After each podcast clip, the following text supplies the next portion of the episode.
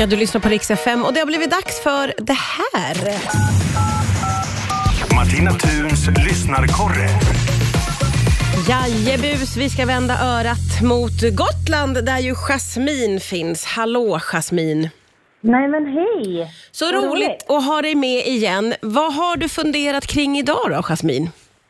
Nej men jag tänkte, jag är ju från Gotland och, det, och pratar lite olika dialekter tänkte jag idag, eller fokuserar på gotländskan. Ja, intressant.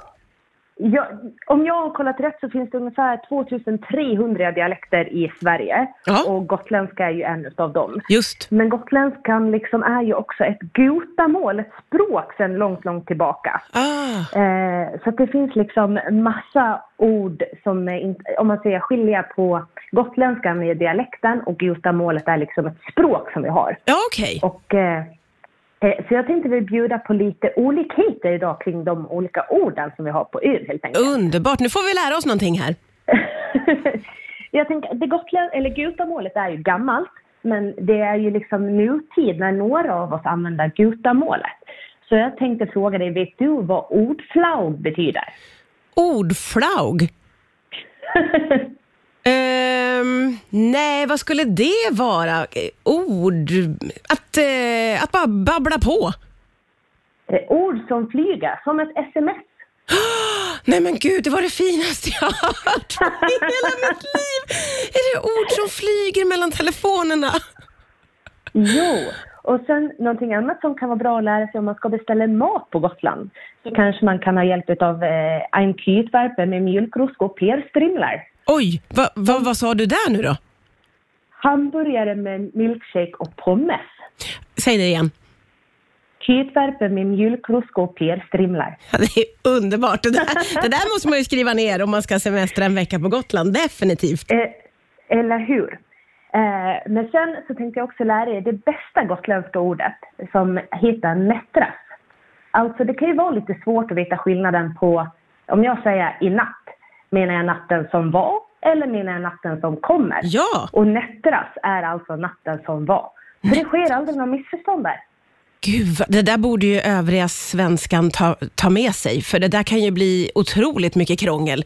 Att ha ett särskilt ord för i natt, natten som var, det är ju briljant. Så nättras är ett väldigt, väldigt bra ord.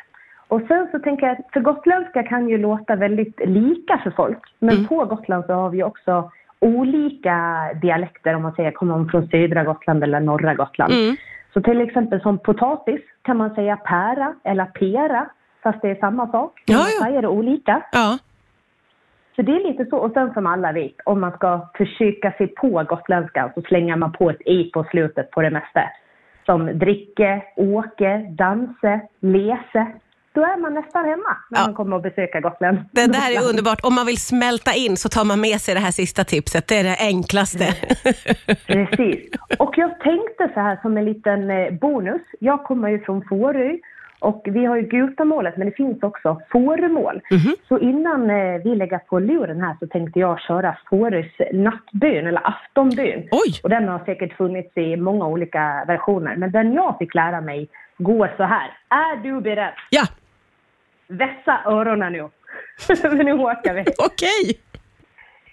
Kom så gingo vår nå till sängs och klädde av våra kläder. Lägg det ena benet vid balk och det andra vid brede. Måtte det stranda ett stort skep para röjnar i natt så att våra barn och barnbarn kan ta vad de vill ha. Ja, med det. Hängde du med? Ja, jag, jag hängde med på vissa saker. Inte att ena benet skulle vara vid en balk och det andra vid en bräda. Men, men, men vi kan prata vidare om det vid ett annat tillfälle. Det var så vackert avslut. Och vilken rolig djupdykning i gotländskan. Tack snälla Jasmin för idag. Ja, tack själv.